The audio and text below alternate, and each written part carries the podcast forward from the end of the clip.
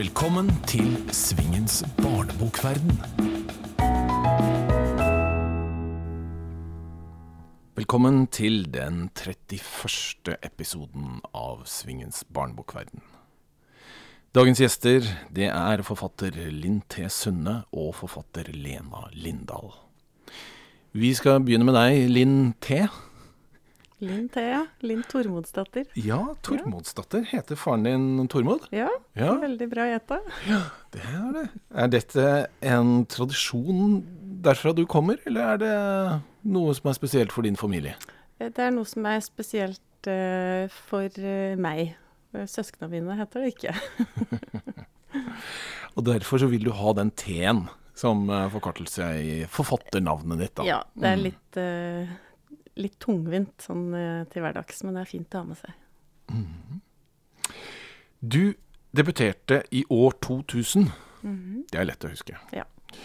Eh, visste du med en gang at det var barne- og ungdomslitteratur du skulle holde på med? Ja, det var det. Jeg visste nok ikke at jeg skulle bli forfatter. Det tok ganske lang tid før jeg skjønte. Men når jeg skjønte det, så var det barne- og ungdomsbøker. Det er det jeg har lyst til å holde på med. Så du var allerede den gang klar over at dette skal jeg ikke gå Her skal jeg ikke bevege meg ut på andre territorier. Nei, vi, ja, vi får se. Jeg skal ikke skal aldri si aldri, men eh, det er barn og ungdom jeg syns er mest spennende å drive med. Men samtidig, da, innenfor barne- og ungdomssegmentet, så har du en ganske stor bredde. Du skriver veldig forskjellige typer bøker. Du Ja. skriver for forskjellige aldersgrupper, og du skriver eh, sakprosa, og du skriver skjønnlitteratur, og du skriver på bokmål og på nynorsk. Hvorfor denne enorme bredden? Hvor kommer det fra? Ja, det er kanskje derfor jeg gjerne vil holde meg til barne- og ungdomslitteratur, for der er det så mange, mange muligheter. Jeg er interessert i, i barn og ungdom og alt, eh, alt i deres uh, verden. Men hva er det som avgjør hvilket prosjekt du skal gå i gang med?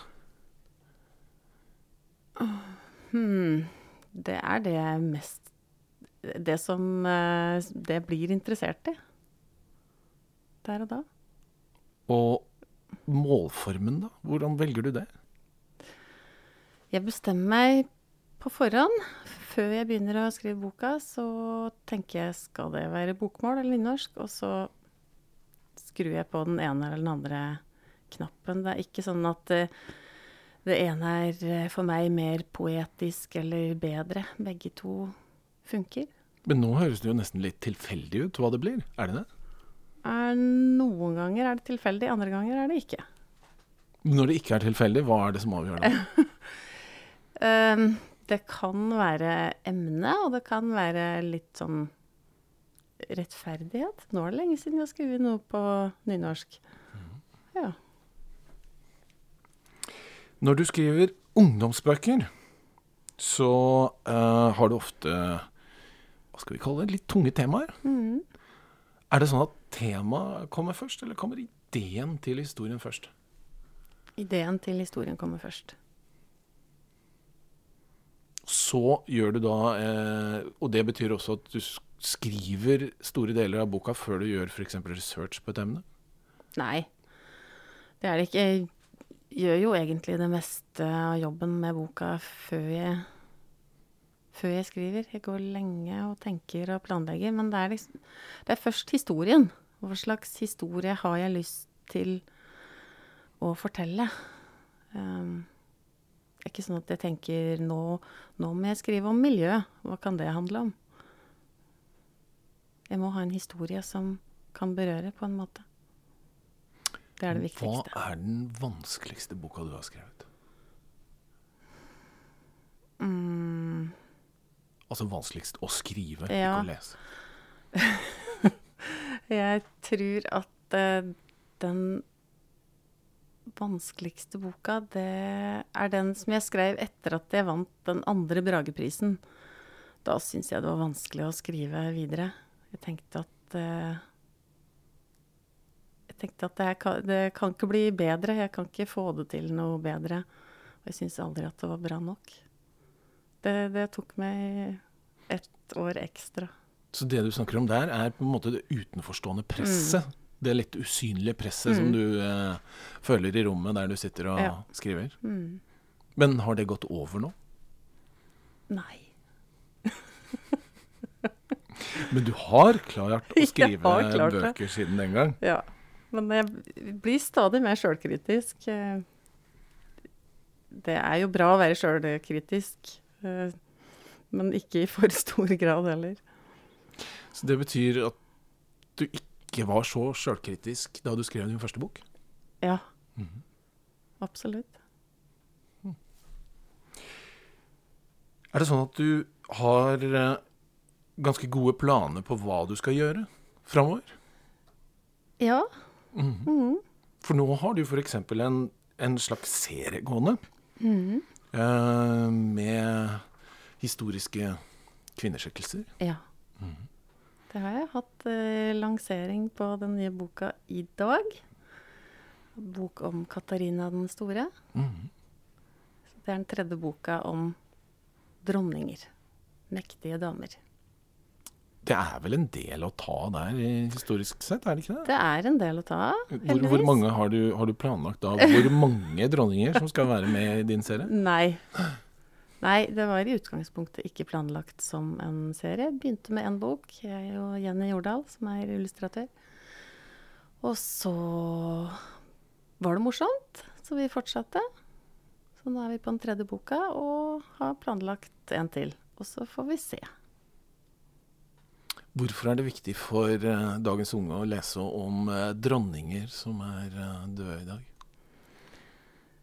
Jeg syns det er viktig å vite noe om, om historien. Det skjer veldig mye rundt omkring i verden i dag som har paralleller til ting som har skjedd før. Kanskje blir man litt klokere og vite, vite noe om historien. Jeg håper det.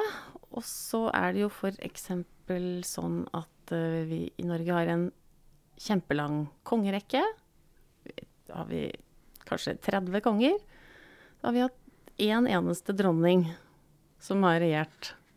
Jeg har hatt noen dronninger som har vært gift med, med konger og vært, uh, vært med til pynt, men bare én dame som har bestemt over Norge. Det er jo fryktelig rart. Ja, for de som er med, de, de får ikke egne bøker. Nei. Nei, du må ha regjert. Må ha regjert. Mm. Må ha hatt reell makt. Hvordan går du til eh, verket når du da skriver om disse dronningene? Er du eh, ute på Nasjonalbiblioteket og gjør research, eller? eh? Mm, jeg leser bøker, selvfølgelig. Jeg, jeg sitter mest hjemme og får Jeg er ikke på Nasjonalbiblioteket, det er litt langt unna. Men biblioteket kan jo skaffe alt, så det gjør de. Og så bruker jeg internett, fagkonsulenter. I tillegg til å være forfatter, så eh, jobber du litt som kritiker. Mm. Du er bibliotekar. Litt jobber litt på bibliotek. Ja, jeg jobber eh, med litteraturformidling. Det kan vi si. Ja. Mm. Hva, da betyr det jo at du leser relativt mye. Mm. Du har en ganske god oversikt. Kan du si noe om tilstanden i norsk barne- og ungdomslitteratur akkurat nå? Hoi. jeg kan si at det kommer mange bøker. Du leser jo ikke alle, regner jeg med, så du, men du har uh, I år har jeg lest alle barnebøker og fagbøker. som har kommet ut på norsk, Mm. oversatt og Ja. norskskrevne. Ja. Imponerende. Ja, det er ganske Det er derfor jeg kan si at det kommer mye. Ok, men da vet vi det. At Ja. det kommer mye. Ja. Men nå vil jeg vite litt mer, for du har jo da faktisk gjort det veldig få har gjort. Nemlig lest alt som har kommet ut i 2018. Mm. Det Oi, oi. eh, Det kommer eh, bøker om mye Mange forskjellige emner. Kommer mye spenning. Mer enn før. Ja det, det kan jeg ikke svare på. Jeg tror kanskje det. Uh, og så akkurat i år er det mye sånn eh, kjønnstematikk.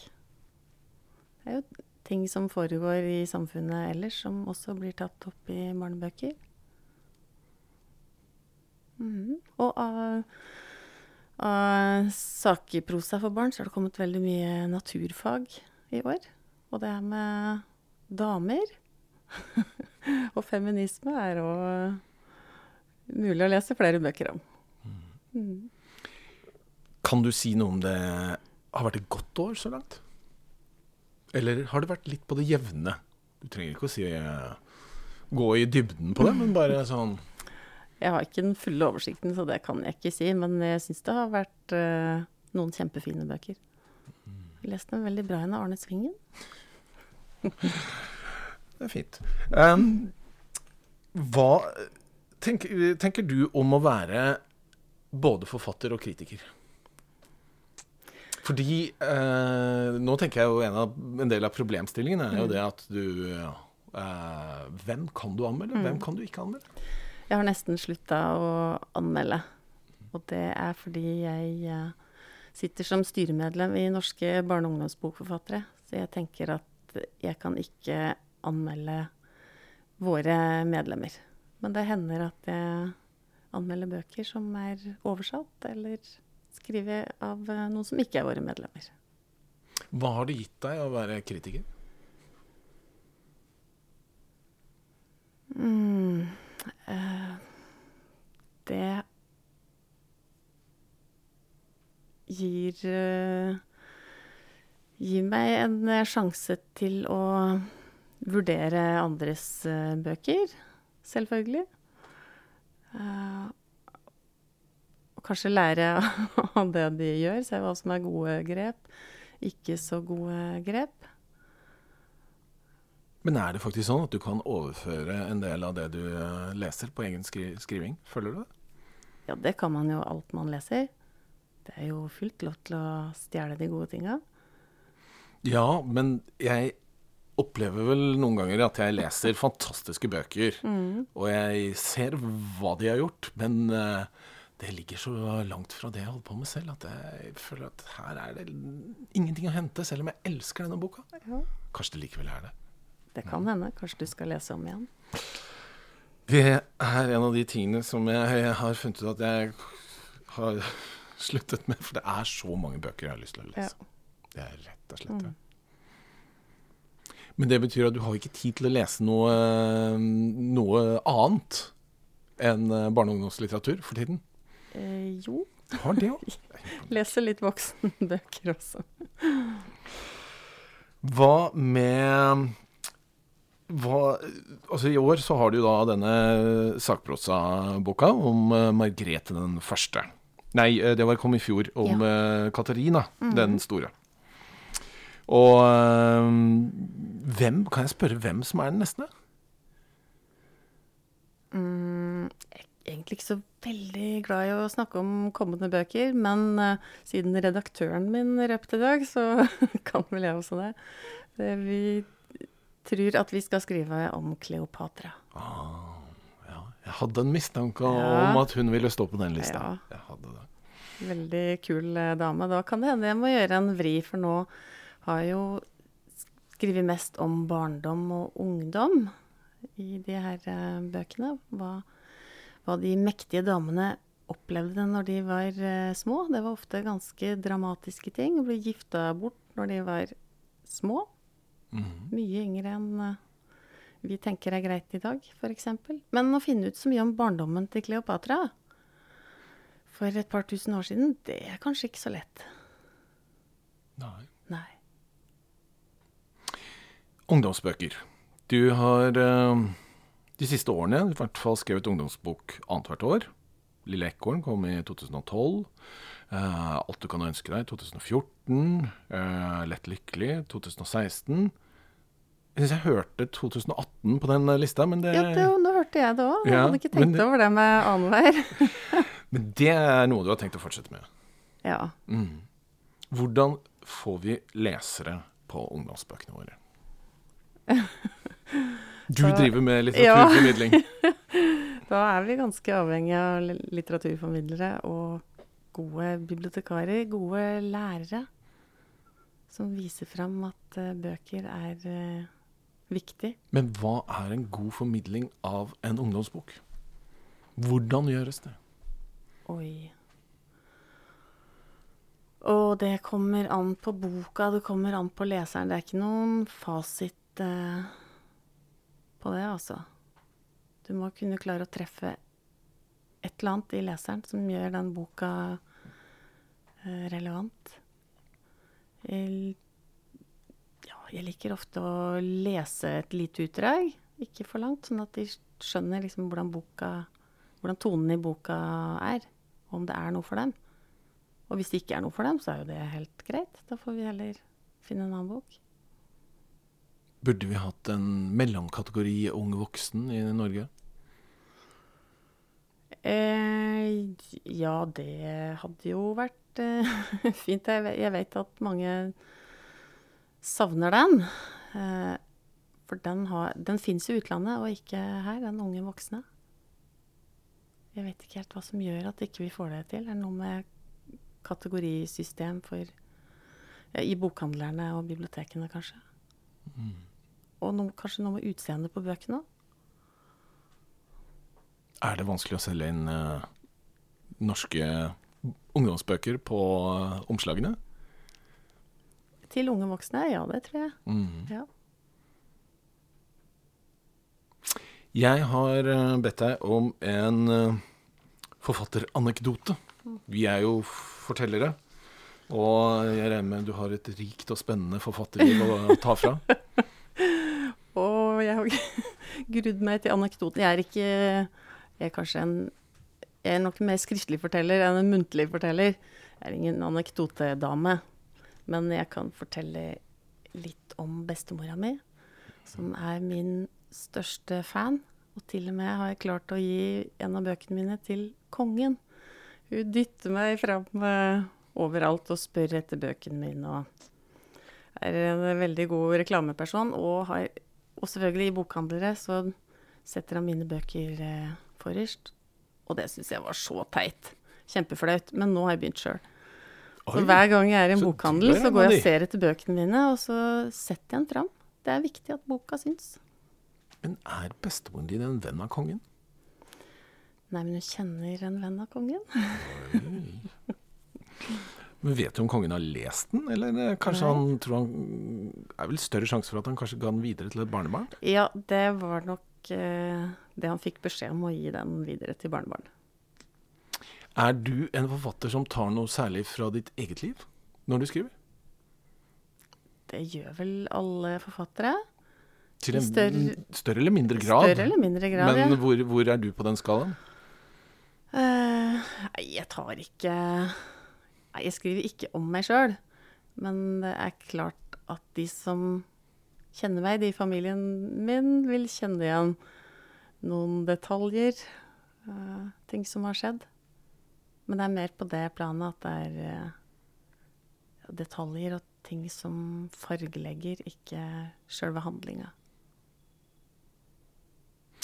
For du har jo faktisk den mest eh, dramatiske historien jeg har hørt noen forfatter ha noen gang. Og dette har jeg ikke avklart med deg på forhånd, men eh, er det en historie du kunne tenke deg å fortelle? Det, du har fortalt Ja. den til meg på et eh, tidligere tidspunkt, og jeg Mm. tenker jo dette er jo virkelig materiale for en Ja. eh, historie. Det må jeg Det må jeg si noe om, fordi at jeg opplevde, opplevde noe veldig traumatisk da jeg var eh, tenåring. Da ble kjæresten min skutt.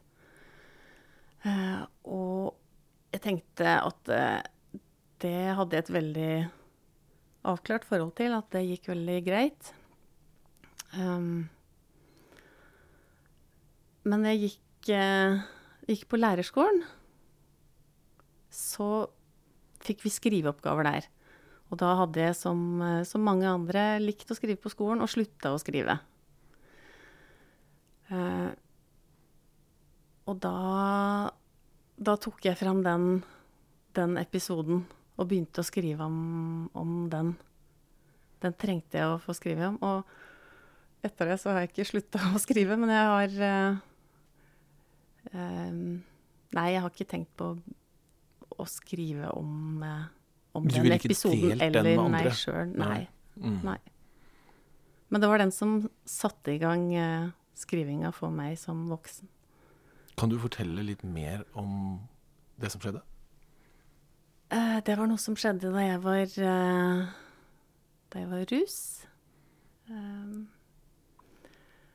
uh, da ble, som jeg sa, kjæresten min ble skutt av en annen gutt som etterpå stakk av med meg og kidnappa meg. Så det var eh, Ja, det var forferdelig traumatisk. Han, eh, han eh, tok livet sitt etter en natt hvor vi hadde vært eh, på flukt, rett og slett. Mm. Jeg tror vi skal eh, få inn den andre gjesten i eh, denne sendinga. Det er nemlig Lena Lindahl. Hei, Velkommen til deg. Takk skal du ha. Jeg har registrert en uh, spesiell ting med dere to. Dere er født samme år. Ja. Det så jeg også. Hvem av dere er eldst? Det er jeg. du- Nei, er det, jo, det er det. Jeg er født i april, og du er i mai. Jeg er født i desember. Desember, sånn var ja. ja. Er dere Kan vi jo snakke litt altså Det er jo interessant. Dere har jo da eh, vokst opp samtidig. Og var dere noen som leste veldig mye som barn? Ja, jeg leste veldig mye. Eh, Jeg ble lest før til, i begynnelsen, og eh, etter hvert så begynte søstera mi på skolen å lære seg å lese, og da ble jeg litt misunnelig på henne. Så da lærte jeg meg faktisk sjøl å lese eh, i Donald Duck. Så da jeg var fem år, så kunne jeg faktisk lese sjøl. Og det åpna jo en fantastisk verden. Jeg var òg en eh, lesehest. Bestemora mi, som jeg har eh, fortalt om, hun var eh, bibliotekar, så jeg hang med henne på biblioteket og leste masse. Og ble lest uh, mye for. Leste mye rart. Kjenner jo etter hvert en del norske forfattere som skriver for barn og ungdom. Og der er det eh, et ganske stort skille mellom de som uh, forteller det dere jo- gjør, og noen som faktisk leste utrolig lite Ja. som barn, og likevel har blitt forfattere.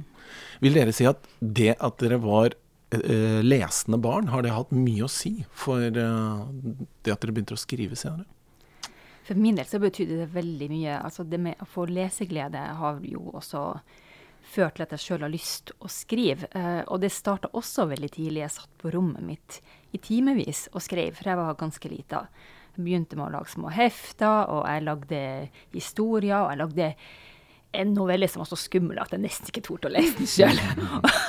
og tegna til. Og, og, så jeg var nok veldig sånn, hadde lyst til å, å skape ting, da. Um, og eh, så ble jeg jo også skrivende som voksen, men som journalist. Uh, og så bikka det over etter hvert da i forfatterskap. da. Så det har nok hatt veldig mye å si at jeg leste så mye bøker og fikk leseglede og ble interessert i bøker. Mm. Jeg tror vi er ganske like der. Den herre kjærligheten til historier, den tror jeg har festa seg hos meg. Jeg er så glad i å lese gode historier og å lage dem for andre. At jeg kan lage historier som andre kan lese og ha glede av å bli berørt av, det syns jeg er fantastisk. Men du spurte jo meg i stad om jeg eh, leste ting om igjen. Eller vi snakket i hvert fall om det, og jeg sier at jeg gjør det i veldig liten grad. Ja. Er det noe dere gjør? Leser dere mye av det dere selv leste som barn om igjen?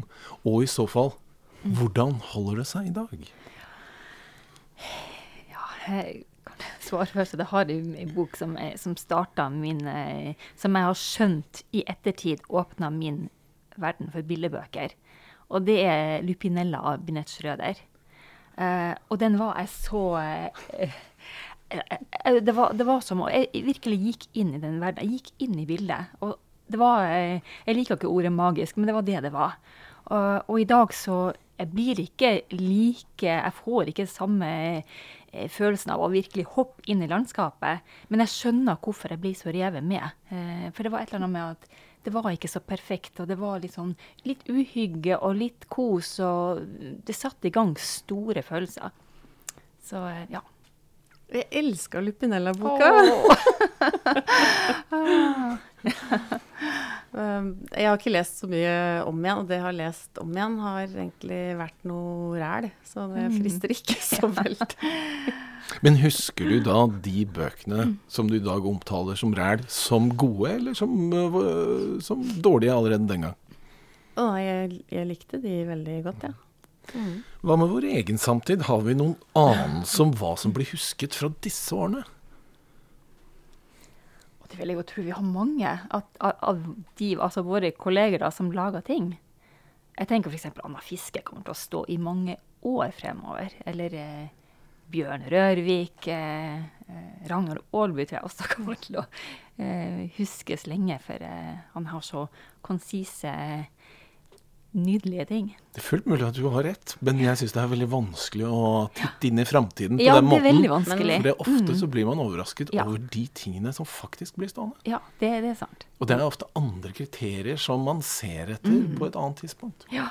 Men er det så viktig? Nei, om det er viktig? Jeg vet ikke. Er det viktig?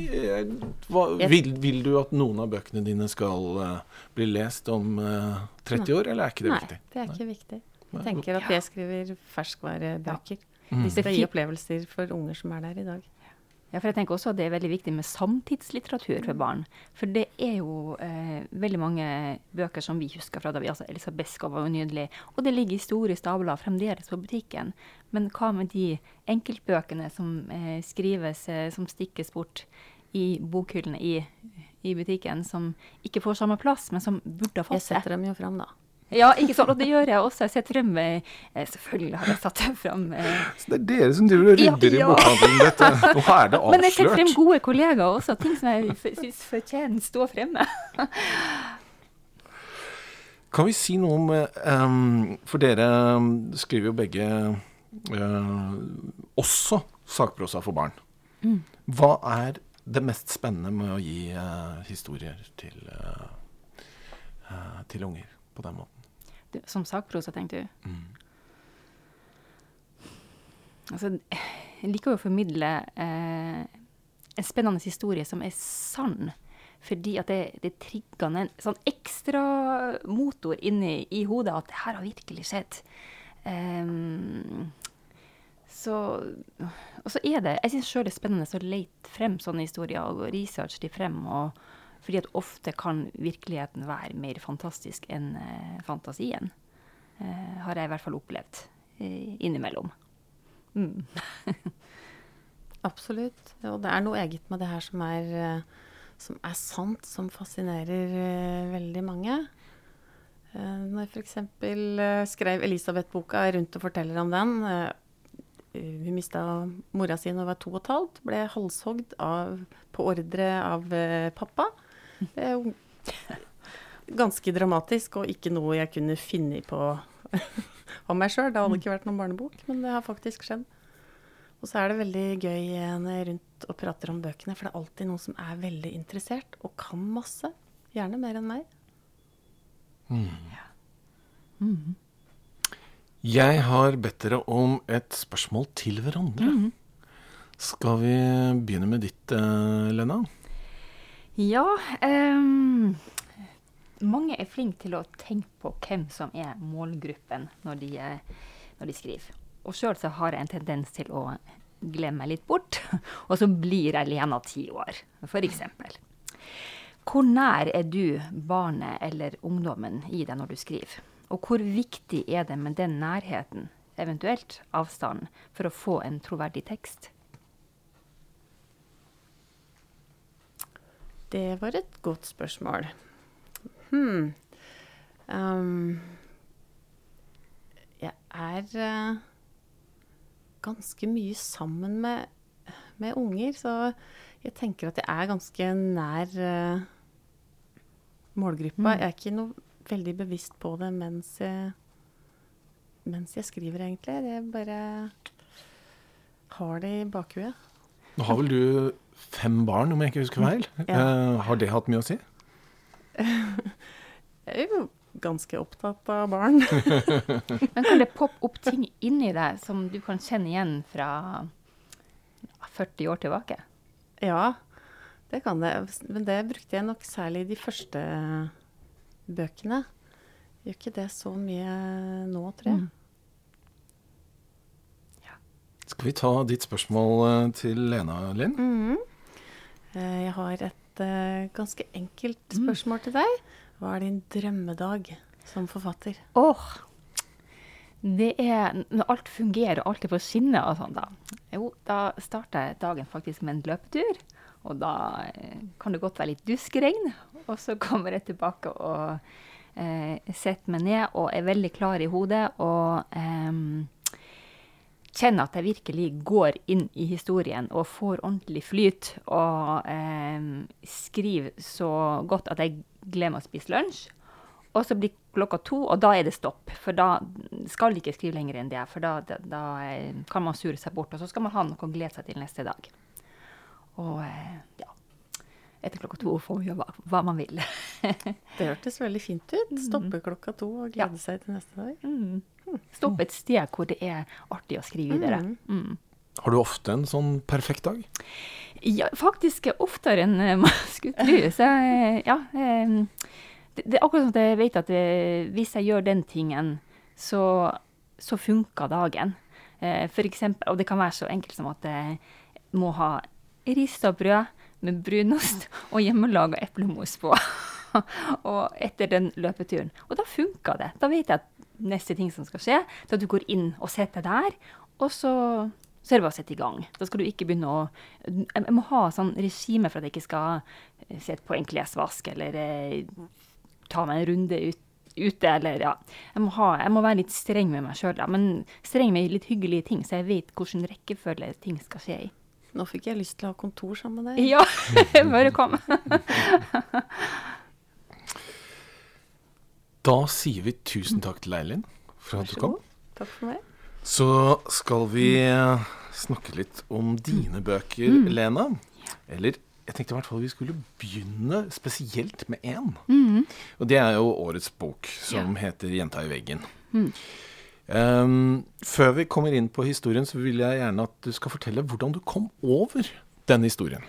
Ja, det er veldig tilfeldig, faktisk. Um, som journalist så uh, likte jeg, for jeg, jeg må si likte, for jeg jobber lite som journalist nå, men uh, å lese gamle aviser, eller gamle magasiner, og se etter rare ting som jeg kunne hente opp til i dag, og gjøre aktuelt igjen. og og eh, i en uh, avis fra 15. mai 1945 så står det en uh, artikkel på side tre i Adresseavisen. Eh, og oversikten er noe sånn som eh, 'Jødepike overlevde to og et halvt år eh, på Byneset'. Og da fikk jeg helt gåsehud. Det hadde jeg aldri hørt om. Og så begynte jeg å lese artikkelen, som ikke var veldig lang. Eh, hvor det sto eh, eh, kort oppsummerte oppsummert litt de to og et halvt årene. Og så begynte jeg å gjøre research med en gang for å finne ut om det her faktisk var, var virkelig. fordi hvorfor har vi ikke da hørt om det eh, før? Eh, så ringte jeg da til bl.a. til Jødisk museum i Trondheim. Og de hadde eh, De kjente til historien, men, eh, og det var en bitte, bitte liten del av en utstilling eh, de hadde da. Altså et sånt bilde på veggen med en liten tekst. Men de sa at de hadde en eh, tekst som Betzy Rosenberg hadde etterlatt seg på åtte av fire sider, maskinskrevne sider. Litt sånn hva skjedde, og hennes eh, tanker og følelser. Og det kunne jeg få låne.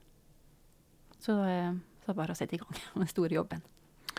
Men dette var også rett etter freden, vi snakker 15. Mm. mai 1945. Ja. 45. Ja. Så du fant ingen andre avisartikler på noe tidspunkt som hadde eh, omtalt dette siden? Ingenting. Nei. Nei. nei. Eh, det, var, eh, det var veldig mye som eh, forsvant i gledesrusen i maidagene. Eh, avisene var jo fylt til randen hver dag, så det var kanskje ikke så rart at store nyheter fikk liten plass, for det var så mange store nyheter. Og det var jo også det sto veldig lite om de norske jødene som ble borte. Det ble fortrengt bort av alle som kom hjem, og eh, opprydninga etter krigen. Alle som ble arrestert. Og, så, eh, så, så hele den historien forsvant litt ut av eh, avishistorien. Men hun gjemte seg altså for nazistene i mm. ca. to og et halvt år. Eh, når skjønte du at dette måtte bli en bok? Jeg tror jeg skjønte det med en gang, for jeg fikk så veldig gåsehud. Mm. Eh, så, eh, men så tenkte jeg at vi Da jeg begynte å gjøre research, så, så, var det Det var veldig tungt arbeid. fordi Nettopp fordi hun ikke var arrestert, så fantes det ikke noen mappe på henne. Eh, og da måtte jeg gå eh, opp alle veier jeg kunne komme på. Alt ifra søk i eh, statsarkiv i Trondheim, gå i Riksarkivet, eh, intervjue gamle mennesker som kjente henne, intervjue mennesker som kjente hun da hun var gammel, og som kanskje ikke var gammel, ikke hadde opplevd krigen sjøl. Eh, fagpersoner, hva, hva, vet de om den perioden? Leste masse bøker. Så det var, det var, et veldig stort arbeid for å få kartlagt eh, hvor lite jeg egentlig visste. Eh, men etter hvert Det var som at jeg hadde et kjempestort puslespill som jeg ikke visste hvordan skulle se ut til slutt. Og så fant jeg en og en bit som jeg kunne gitt meg til skulle stå. Og til slutt så fikk jeg et relativt eh, godt bilde av hvordan det hadde vært. Og det ble boka. Hvem var Betzy Rosenberg? Altså, hva fant du ut om henne som person? Nei, hun var ei ja, vanlig trondheimsjente. Eh, bare det at hun hadde jødisk bakgrunn. Og hennes familie kom fra eh, Mora kom fra Polen, og faren kom fra eh, Hviterussland. Eh, og bestefar hadde da en, eh, en klesbutikk som var familiebedriften. og liksom, knutepunktet i familien. Så det var kanskje en sånn klassisk eh, historie om en eh, innvandrerfamilie som kom til Norge, og som, som flykta fra eh, til dels pogromer, og som fikk et bedre liv i Norge. Og eh, hennes oppvekst i Trondheim eh, var fin. Hun hadde en lillebror hun var veldig glad i. Hun hadde noen tanter, som, eh, særlig ei som hun forguda. Og var, jeg fikk inntrykk av de jeg snakka med, at hun var ei eh, glad jente, kanskje litt naiv. Eh, hadde ikke så lang skolegang. Eh, som da jobba i klesbutikken til morfar. Mm. Du har jo tidligere skrevet eh, skjønnlitterært. Vurderte mm. du på noe tidspunkt å gjøre dette til en roman? Ja, altså jeg var inne på tanken. Uh, og så tenkte jeg at det er en så sterk historie sånn som den er. Og holocaust i seg sjøl er noe som er viktig å dokumentere. Um, og jeg, jeg, vet at det har vært innspill på at jeg kanskje, kanskje skulle ha um, dramatisert mer underveis, men samtidig så Jeg syns ikke at hennes historie skal ordnes på noe vis, da, i, fordi at det skal bli enda mer dramatisk, eller komme enda mer inn i hodet hennes. Fordi at jeg vil gi eh, leseren det jeg fant, sånn at de skal stole på at dette er faktisk virkelig. Og jeg går noen ganger i boka, så går jeg litt lengre inn i hodet hennes. Men jeg har også eh, teksten hennes, hvor jeg vet sånn cirka hva hun eh, tenkte i visse situasjoner, og, og, hva som skjedde. Så eh, jeg syns at det står seg sterkere eh, av at du vet at det faktisk har skjedd. Og at jeg ikke vil dikte noe ekstra rundt holocaust. Når du eh, kommer over en historie som dette, så har jo du da bladd mye i aviser mm. fra etterkrigsårene og sånne ting. Ja. Finner du stadig nye mulige ja, historier der. Det er det som er så spennende med en sånn research. Da sitter du med sånn mikrofilm på Nasjonalbiblioteket og leser masse, altså alt fra illegale til eh, tysk propaganda til eh, nazifiserte, vanlige norske aviser. Og eh, altså, det var historier om kannibalisme i Paris, og det var eh, Altså, det var så mye rare ting. Men så kom det også eh, så et sted en artikkel som var så spennende at jeg tenker at ja, kanskje. Mm. Så det kan jo hende at vi kan eh, høre om den på et senere tidspunkt. Ja, for det kommer ut fortsatt eh, svært mange bøker om annen verdenskrig. Mm. Hvorfor får vi aldri nok av dem? Ja, det er, for så vidt et stort, spørsmål. Det er jo spennende. Det er jo, det er jo én ting, eh, det er det. Men for min del så er det da, selvfølgelig det er det spennende å, å skrive om det og lære mye sjøl. Men det er fremdeles viktig å vise hva som skjedde da, og hva som eh, kan ligne eh, i dag på de samfunnsmekanismene som slo inn i ja, mellomkrigstida og, og, under krigen. Eh, og vi, for min del så, så jeg også at vi lever i en tid som blir ganske mørkeblå, og eh, til dels en del eh, brune elementer i ja, i Skandinavia og ute i Europa. Det er en økt antisemittisme som, eh, som eh, får uh, stygge konsekvenser med terror og ja, gjør stor skade på Tar menneskeliv og gjør folk redd, rett og slett. Og, og det må vi uh, minne oss på om. At uh, antisemittisme er ikke borte. Det ble ikke borte med at det ble fred i 1945. Hvor gammel var Betzy da krigen var, var over? Da var hun 25 år, fylte 26 den sommeren. Så hun var jo voksen. Mm. Hva er grunnen til at dette kommer ut som en bok for ungdom? Nei, um, det er også et par grunner til. Um, hun var for så vidt 20 år da krigen brøt ut. Men um, så tenkte jeg Jeg var leverte masse bøker på biblioteket, en stabel med krigslitteratur.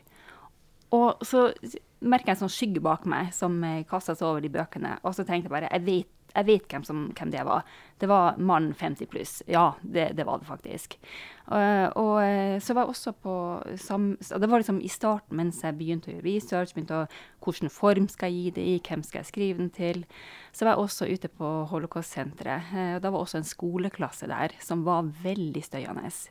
De var sånn typisk skoleklasse ute av klasserommet og føler seg ekstra fri og kan gjøre kule ting og tøffe seg litt. Og inni det jeg vil kalle for det helligste rommet, som er liksom det rommet med, til sånn minneplaketter etter de uh, Ja, det var 773 som deporterte, og bare 35 kom tilbake. Så navnene står inni det. Og da står de og tar selfie av hverandre med Victory-tegnet. Og da ble jeg opprørt, og så tenkte jeg det er ikke deres feil. Uh, det handler om kunnskap, og de har kanskje ikke de bøkene. Eh, så Og så var det også da eh, ungdommer som på holocaustdagen står på TV og sier at eh, de visste at holocaust skjedde, men de hadde ikke skjønt at det skjedde i Norge. Så ja. Det, skulle ønske det kommer enda flere bøker om det. Du er jo også journalist. Mm. Er du veldig glad i research? Jeg elsker det. Det syns jeg er det beste med altså Selv på altså, samtlige mine bøker, eh, da boltrer jeg meg i research. Selv om det er skjønnlitterært, så liker jeg at rammene stemmer rundt eh, f.eks. byen i New York. Eh, det skal være i eh, 20. etasje, og det skal være sjef eh, gastrolon, for det, i virkeligheten så er det i 20. etasje noen bikuber som står, og sjefen heter Garcelon. Så det liksom, det skal, og jeg har undersøkt da om eh, hvor langt er det til Central Park eh, i forhold til eh, flyveruta til byene. Og har vært i kontakt med sjefsgartneren i Central Park, som fortalte at der står 375 amerikanske lindetrær med sånn og sånn type honning eh, som kommer ut av det. Så, så, så det, det, er ikke det at leseren nødvendigvis skal belemres med all denne eh, detaljinformasjonen, men jeg har det mye artigere underveis når jeg skriver. Nå, nå snakker du litt om uh, bildeboka som heter ja. 'Biene i New York'. Ja. Mm. Og dette betyr at du tar rett og slett ingen snarveier. Nei, jeg gjør ikke det. det. Selv om Antagelig ingen kommer til å dobbeltsjekke Nei, disse små Nei, ingen kommer til å gjøre det. Men det skaper mm. en trygghet for deg? Ja. Mm. Da vet jeg at jeg er på rett grunn, og jeg vet nøyaktig hvor høy Frihetsgudinnen er når det skal skrives om. Og jeg prøvde til og med å finne ut hvor mange trappetrinn er det opp. det klarte jeg ikke å finne ut av, tror jeg. Mener Ja.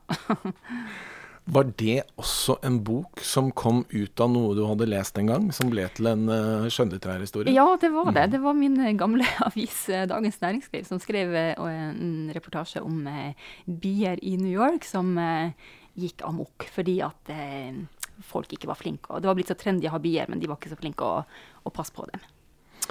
Så vi kan si at for deg så er det egentlig tema som er mm. tilnærmingen til historien? Ja, det kan være en sånn pussighet som kommer mm. over. Eh, som jeg bare blir Og så er det litt sånn Jeg tror jeg liker det å sette litt fart i hverdagen. At det er, det er jo et hverdagsbilde, det fra eh, New York. Det er jo en virkelighet. Eh, og hvis jeg da har sett litt mer fart i det, da, så kanskje det kan bli en uh, artig historie. Mm. For hvorfor startet du da med å skrive for uh, barn og ungdom i sin tid? Eh, det er de bøkene som alltid har interessert meg mest. Eh, også eh, lenge før jeg sjøl fikk barn. Og eh, det er de jeg har lest mest, også som voksen. Jeg er også glad i å lese voksenlitteratur, så elsker jeg å gå på biblioteket og finne barnebøker til meg sjøl. Eller uh, komme over det i utlandet et sted og finne de rare bøkene som ikke finner veien hit. Um, et eller annet med uh, det allmenngyldige i barnebøker, tror jeg. Altså det at det, alle kan lese det hvis man har en, en, liten del av det lille barnet levende i seg som er interessert i det. da. Så um, jeg tror jeg, jeg, jeg, jeg koser meg veldig med med barnebøker. Syns det er fantastisk. Og så reiser du litt rundt i verden når du mm. skriver. Du er i New York, du er i London, og nå har du kommet til Norge. Det, blir, du, blir, du, hjemme litt framover nå, ja, i din litterære ja, vei? Ja, eh, jeg har litt planer om å være litt eh, hjemme nå, da. Eh, og så, så, får vi se om det om reiser ut igjen. Men eh, hvordan tenker du i forhold til skjønnlitteratur, eh, mm. sakprosa? Er, er, du er det sakprosaen som egentlig ligger deg nærmest, i og med at du også i dag jobber som journalist? Ja, egentlig begge deler. Eh, fordi at det der eh, Så er det den billedbokverden hvor jeg kan gå inn og ta litt regi over eh, ja, om det er en musefanger i Downing Street som trenger litt hjelp til å fange de der eh, musene og rottene eh, som, som faktisk ble dokumentert av BBC. Eh, det er jo også en virkelig historie som, som starta det. da. Jeg, jeg liker å, å leke eh, med hvordan det kunne ha blitt.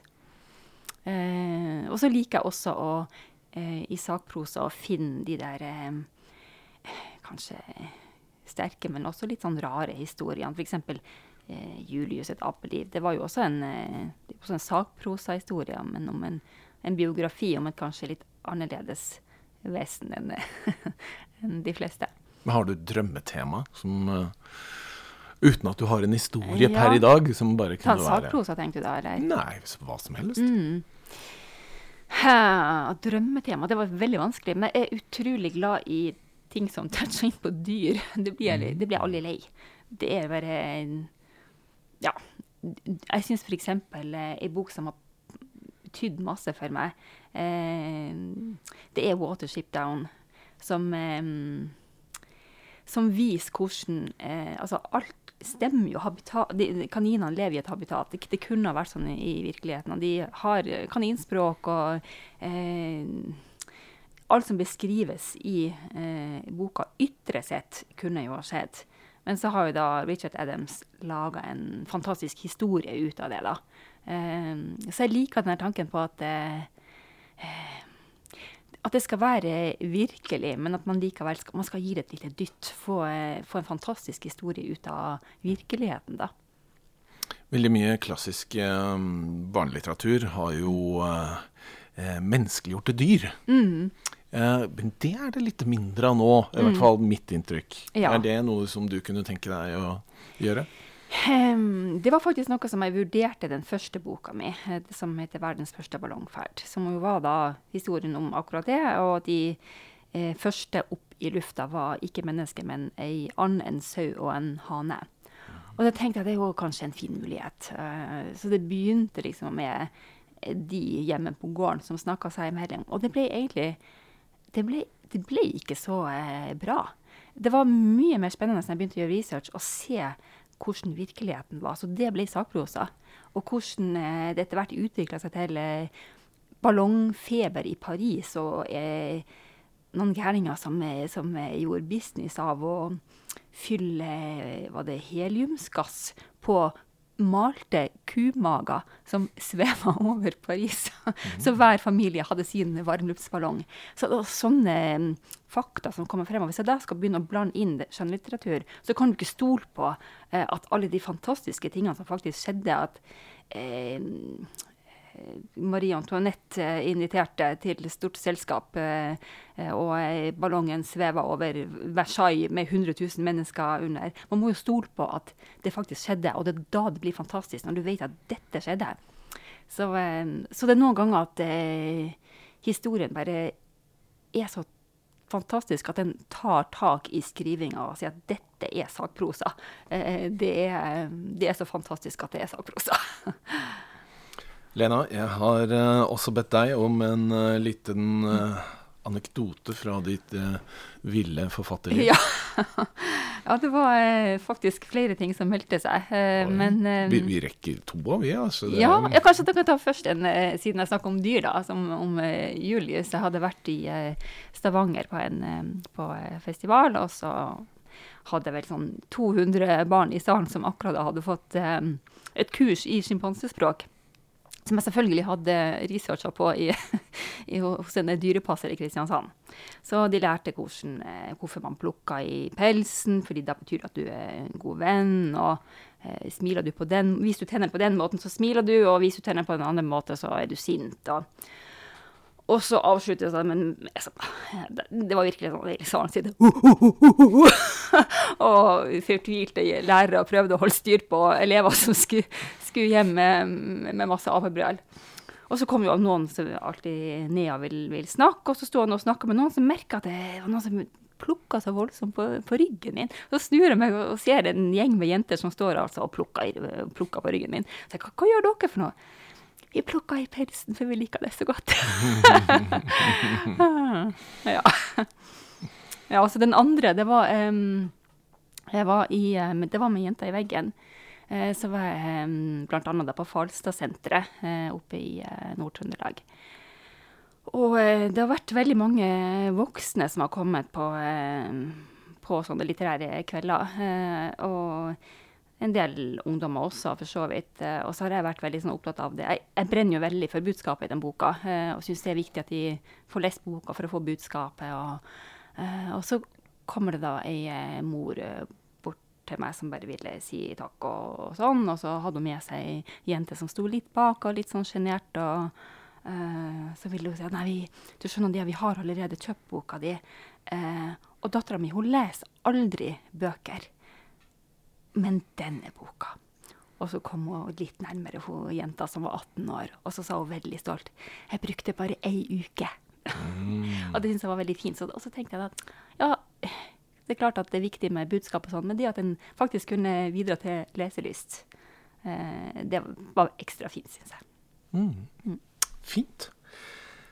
Da sier jeg tusen takk for at du kom, eh, Lena. Tusen takk for at jeg fikk komme. Takk til Linn også, og takk til uh, Cappelen Dam, som har uh, lånt oss studio. Og takk til Kulturrådet, som nå støtter uh, Svingens barnebokverden. Vi er tilbake om én måned. Du har hørt på Svingens barnebokverden med Arne Svingen.